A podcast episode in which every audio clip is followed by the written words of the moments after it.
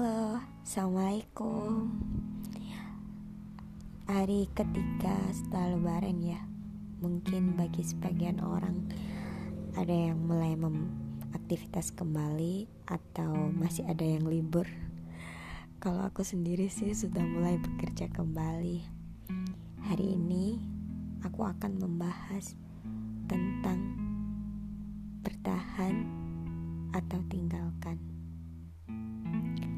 Sejauh pengalaman yang hari ini teman aku lagi curhat bahwa hubungan yang kelihatannya baik-baik saja di permukaan belum tentu dalamnya baik-baik aja. Bahkan mereka pun masih berjuang untuk menyatukan satu visi dan satu misi untuk ke jenjang yang lebih baik. Baik, kalau misalnya kamu memilih, kamu memilih bertahan atau melepaskan. Kadang,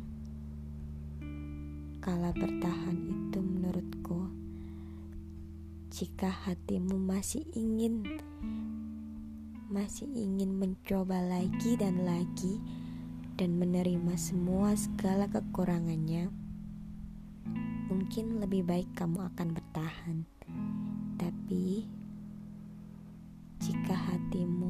sudah mengatakan, "Aku lelah, aku ingin pergi," maka lakukan. Jangan sakiti dirimu untuk sesuatu yang hal yang sudah pasti kamu tahu jawabannya. Kadang, jika kamu bertahan pun, hasilnya akan menyakiti dirimu sendiri. Mungkin dengan melepaskan, hatimu akan tenang. Dengan melepaskan, kamu akan turut berbahagia dengan apa yang ia pilih.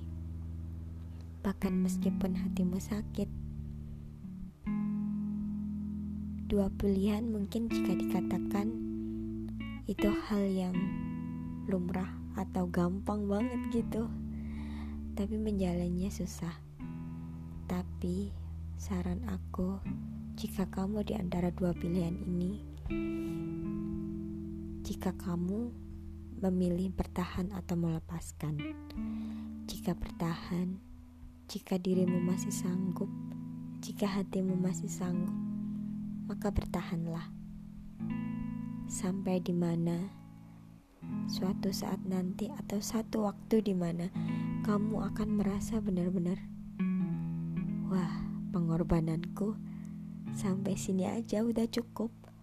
Gak perlu lama-lama lagi. Mungkin kamu akan di fase seperti itu jika ingin melepaskannya. Jika ingin melepas jika di fase itu kamu akan sadar wah ternyata melepaskan juga membuat kedamaian di hatimu sendiri. Meskipun itu sakit Meskipun juga butuh waktu yang gak sebentar, tapi setidaknya sayangilah dirimu, karena dirimu adalah yang terpenting. Sebelum kamu mencintai seseorang, akan lebih baik jika kamu mencintai dirimu sendiri. Sekarang pukul 12 lewat 7. Saya akan akhiri Assalamualaikum warahmatullahi wabarakatuh. Sampai jumpa lagi di podcast selanjutnya.